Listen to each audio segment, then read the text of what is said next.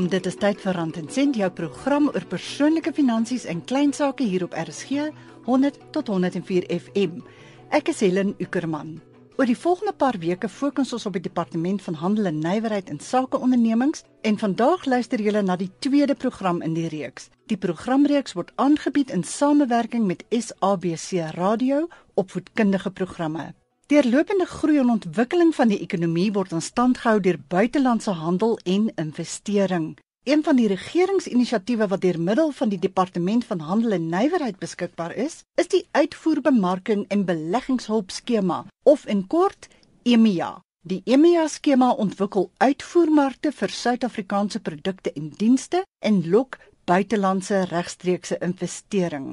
By ons in die ateljee is Corneille Du Plessis adjunkdirekteur handelsdelegasies van die departement van handel en nywerheid om ons te help om die EMEA skemas beter te verstaan. Baie welkom by Rand en Sent Corneille. Goeiemôre en baie dankie vir die geleentheid om julle meer oor EMEA te vertel. Corneille, kom ons begin met die uitvoermark. Watter voordele hou dit vir die Suid-Afrikaanse ekonomie en ook vir individuele uitvoerders in om hulle produkte of dienste in die buiteland te verkoop? Wel, uitvoere van Suid-Afrikaanse produkte en natuurlik dienste speel 'n baie belangrike rol in die Suid-Afrikaanse ekonomie. Omdat dit nie net die vlakke van ekonomiese groei beïnvloed nie, maar ook die van werkskepping in Suid-Afrika. Deur die verkryging van buitelandse valuta staan dit besighede en dis die Suid-Afrikaanse werkersmag in staat om meer produkte te produseer of dienste te lewer deurdat meer werkers in diens geneem kan word. Dit is dis ook 'n baie belangrike aspek in die groei van 'n besigheid en 'n mens kan amper sê 'n natuurlike volgende stap nadat die besigheid goed gevestig is in die plaaslike markte. Wat presies behels die uitvoerbemarking en beleggingshulpskema van die departement. Watter soort ondersteuning is beskikbaar vir mense wat hulle produkte of dienste wil uitvoer? Wel, EMEA is 'n aansporingsfonds of 'n aansporingspakket wat Suid-Afrikaanse vervaardigers van produkte en dienste aanmoedig om hulle produkte of dienste in buitelandse markte te bemark. Dit bestaan uit verskillende subskemas en elkeen het sy eie riglyne en finansiële voordele en is hoofsaaklik in twee groepe verdeel, naamlik individuele skemas en groepskemas. Nou die mees algemeenste ondersteuning wat beskikbaar is vir kwalifiserende besighede sluit in ekonomiese klas retour vliegtuigkaartjies tot en met R17000 per kaartjie uh reis en verblyf toelaag wat gewoonlik hotelverblyf en ontbyt insluit tot en met R2300 per dag. Vrag toelaag, dit is dan natuurlik as hulle jou uitstal 'n vrag of um uitstallingsvrag na die uitstalling toe neem en dan um uitstallingsruimte en stalletjies sekere basiese dienste, meubels en toerusting tydens uitstallings en natuurlik bemarkingsbrosjures. Die spesifieke ondersteuning hang agter van die subskema af waarvoor die besigheid aansoek doen, asook die grootte van die besigheid, want die finansiële voordele word daarvolgens bereken. Nou dit klink vir my na 'n lekker paar voordele. Dit klink vir my of mense heelwat kan wen daar. Ja, ek moet sê dit is 'n baie goeie voordele. Ek moet dalk net noem dat die skema nie noodwendig 'n 100% betaling maak nie. Die skema sê dat hy 'n gedeeltelike bydrae maak, maar as 'n mens na sekere bedrae kyk, kan jy na baie lande waartoe jy gaan vir R17000 sal dit maklik 'n hele vliegtuigkaartjie dek byvoorbeeld. Is hierdie 'n nuwe inisiatief van die departement van handel en nywerheid? Nee, glad nie. Die inisiatief bestaan al vir baie jare en was um eintlik 'n uitvloeisel van die GAIS of um wat genoem is die General Export Incentive Scheme wat in die 90's bestaan het.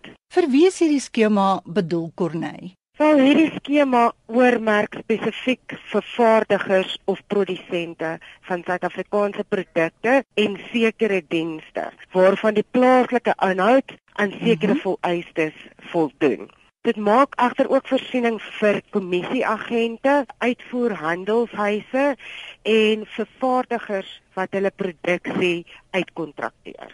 Nou jy het nou nog gepraat van individuele skemas en groepskemas. hoe kwalifiseer individue en groepe dan vir hierdie voordele? Hoe gaan 'n mens te werk? Individuele bystand fokus spesifiek op individuele deelname aan internasionale skoue.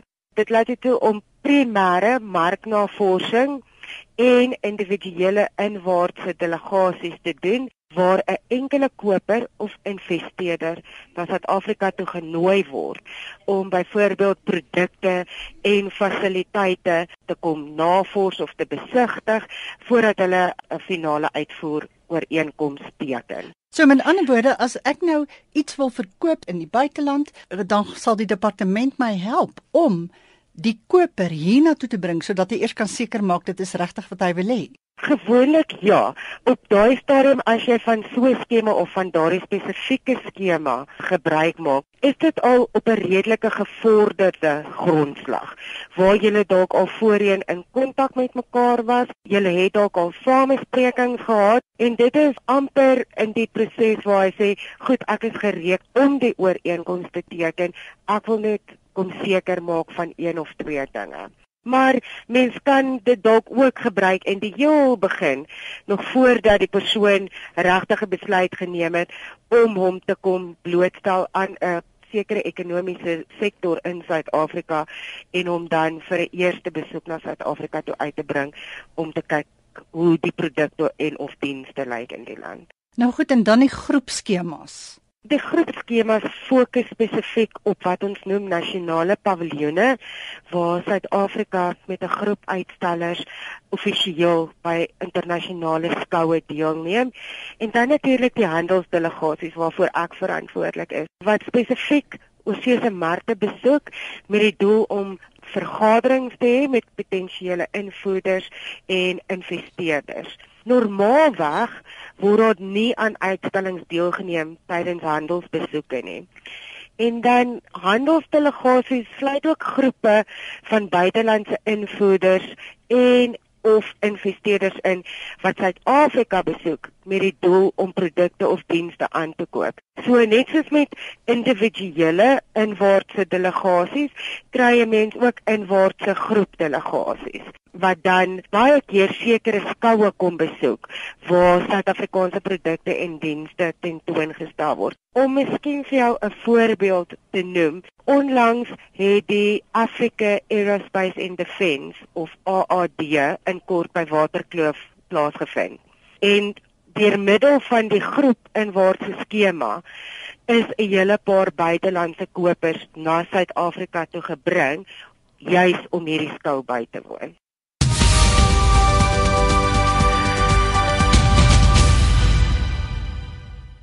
Jesper Antensen met Helen op RSG 100 tot 104 FM. As jy kommentaar of vrae het na aanleiding van hierdie program, stuur gerus 'n e-pos na helen.uek@gmail.com of stuur 'n SMS na ons in die ateljee by 3343. Ons gaan nou eers gou kyk na navrae van ons luisteraars. Verlede week het ons met Mark Allard ook van die departement van handel en nywerheid gesels en na aanleiding daarvan vra Andrei, een van ons luisteraars, of die departement ook forelboere ondersteun. Corney, kan jy vir Andrei help? Een van die ekonomiese sektore wat deur die departement bemark word, is die landbousektor wat 'n baie groot verskeidenheid subsektore insluit, onder andere visserye. As ander agter van Emia gebruik wil maak, sal hy moet bepaal of daar 'n internasionale skou is waar hy sy boerdery of relevante produkte wil bemark en dan vir die individuele bystand aansoek moet doen. Hy kan agter ook op ons webwerf gaan kyk na die nasionale paviljoenkalender en of daar nie reeds 'n relevante skou is waar Suid-Afrika gaan deelneem nie en indien wel, kan hy aansoek doen vir nasionale paviljoenbystand. Daar is agter 'n groot verskeidenheid ondersteuningsprogramme beskikbaar en en nie is nie die enigste een nie. En ondersteuning gaan afhang van die tipe bystand wat hy benodig. Ek is nou nie seker waarvoor hy gevra het nie. Onthou, EMEA fokus spesifiek op die uitvoer van produkte en om buitelandse beleggings in Suid-Afrika te kry. So ja, afhangende van watter tipe bystand en ondersteuning hy nodig het, kan hy gerus die departement kontak. Ja, ek dink ons het verlede week ook gesê daar is op julle webwerf waarvan ons die adres later in die program gaan gee. So hou dus daai pen en papier gereed. Daar kan 'n mens ook nog gaan kyk dink ek onder finansies en onder allerlei opskrifies wat, wat daar is en dan kan jy gaan kyk watter ondersteuningsprogramme of skemas bied die departement van handel en nywerheid aan sakemense. Nou ja, Konay baie dankie. Andre, ek hoop dit beantwoord jou vraag. Bly asseblief ingeskakel want aan die einde van die program gee ons al die kontakbesonderhede van die departement van handel en nywerheid vir die wat wil navraag doen.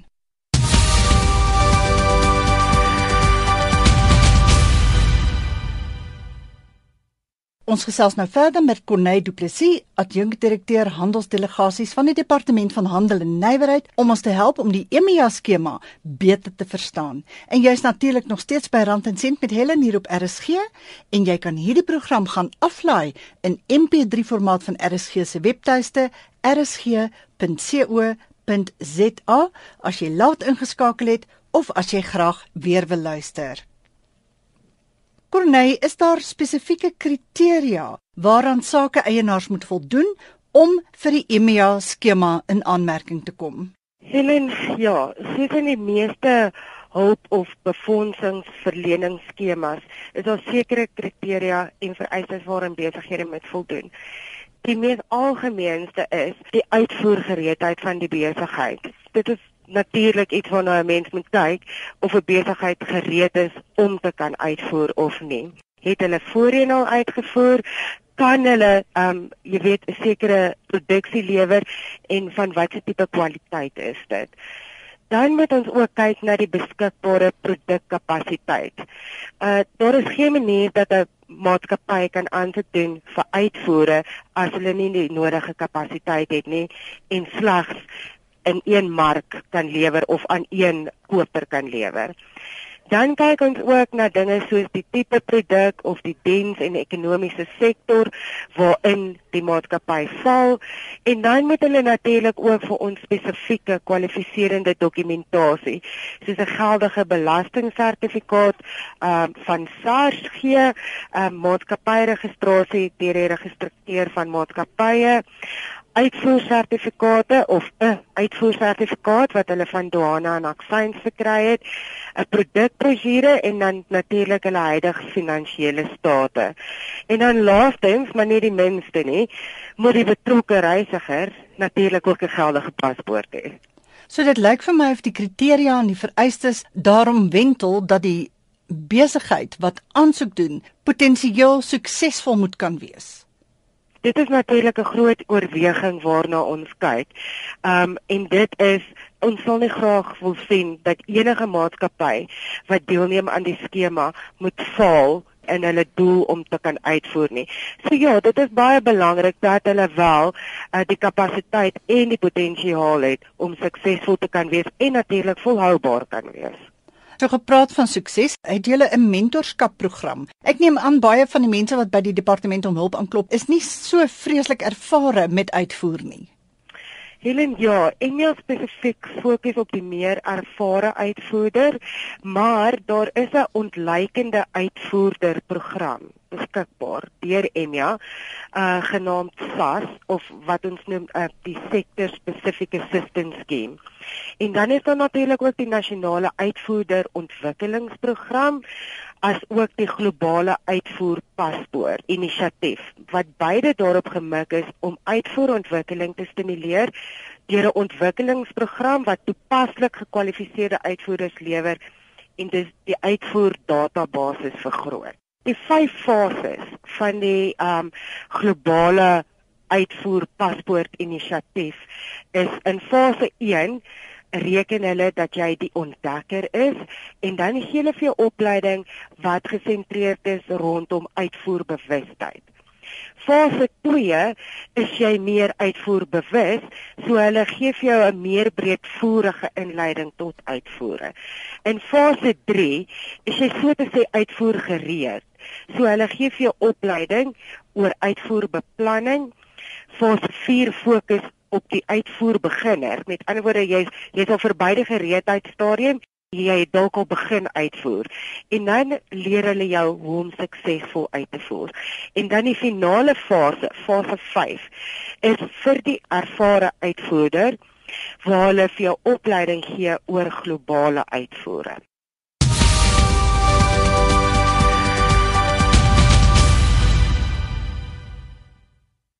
Omdat die huidige reeks in samewerking met die Departement van Handel en Nywerheid oor sake ondernemingshandel, word Helen se geldwenk nou vereers Helen se klein sakewenk. Hier is die kasregister. Ek het vir Corneille gevra wat is haar topwenk vir uitvoerders? En sy het vir my vertel doen behoorlike navorsing, kyk na jou markte, jou aanvraag, die kompetisie en pryse en begin klein, begin plaaslik, begin by die huis. Wag eers met China in Amerika en sorg dat jou papierwerk altyd in orde is. En nou Corne, gaan ek jou sommer hier by die klein sake wenk betrek. As jy sê jou papierwerk moet altyd in orde wees, waarvan praat jy? As 'n uitvoerder het jy verskeie dokumentasie nodig wat altyd in orde moet wees So daar is 'n hele lys. Maar um, hulle kan gerus skakel of as jy 'n uitvoeragent het, is dit die beste plek om te begin om vir jou raad te gee oor watse papierwerk jy in orde moet hê.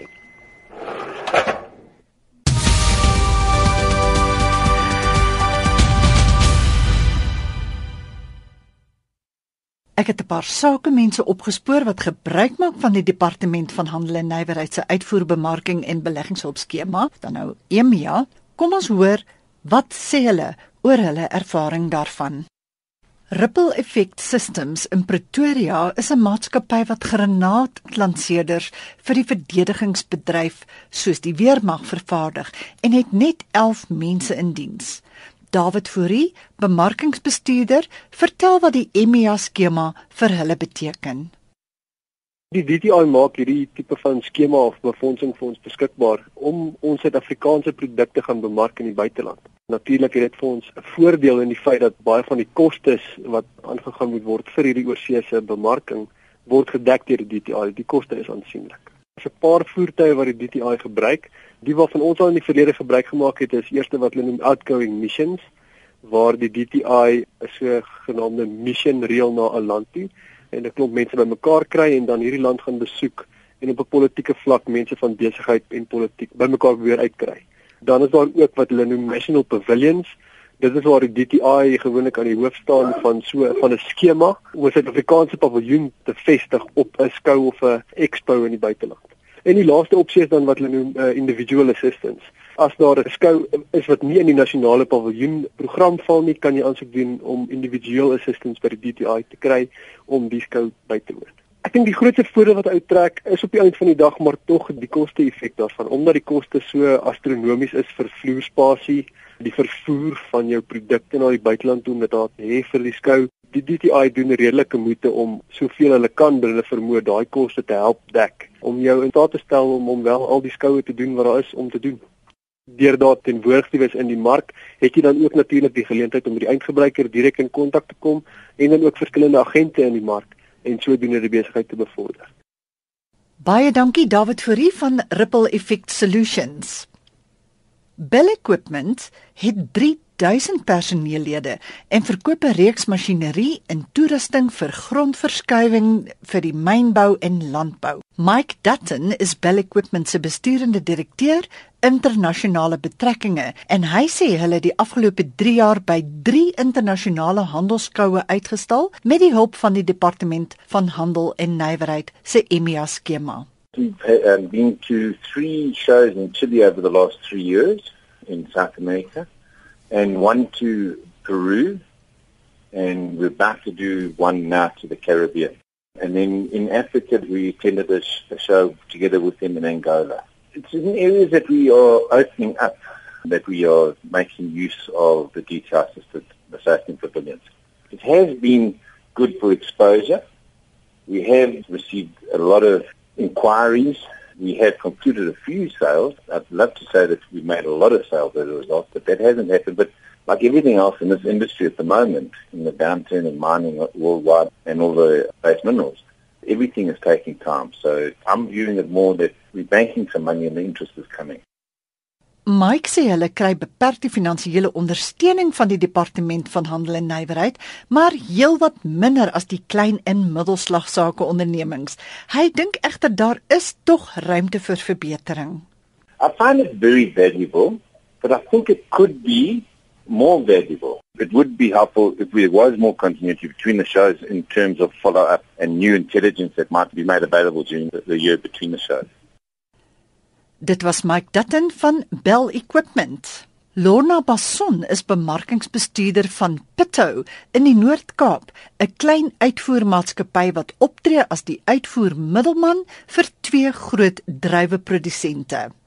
Ek kan net vir jou sê hoeveel waarde die DTI regtig vir ons toevoeg nie. Hulle gee vir jou daai blootstelling. Hulle is daar om vir jou te help, veral in die ambassades. Dit is net ongelooflik. Dit wat die DTI vir die boere kan teruggee en wat hulle weer inploeg is absoluut moeite werd. Die DTI gee vir ons die geleentheid om saam met hulle te gaan na verskillende lande Hulle reik uit met handelsmissies waar ons dan nou saam gaan om deel te wees van hierdie handelsmissies en daar gee hulle vir ons die kans om in direk kontak te kom met verskillende ambassades as ook potensiële kopers. Die tradisionele markte soos Europa en die VK kan maklik oorvoorsien raak en daarom moet ons kyk na alternatiewe markte en spesifiek die ooste wat vir ons in ons produksietyd baie waarde toevoeg en aan die geleentheid wat die DTI vir ons tans bied het verseker dat daar deure vir ons oopgemaak is. Die finansiële impak wat hulle het vir blootstelling aan hierdie verskillende areas is vir ons ongelooflik waardevol. Dit was Lona Bason van Pitou in die Noord-Kaap.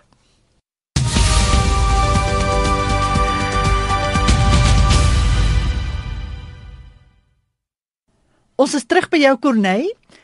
Waar kan mense meer uitvind oor die departement van handel en nywerheid se uitvoerbemarking en beleggingshulpskema oftewel EMEA? Hulle kan gerus ons webwerf gaan besoek of ons het 'n kliëntediensentrum um, wat hulle vir meer inligting kan skakel. Ons het ook volledige besonderhede en kontakbesonderhede um, op ons webwerf beskikbaar vir hulle. Nou ja, laat ek die adres van die webwerf gee.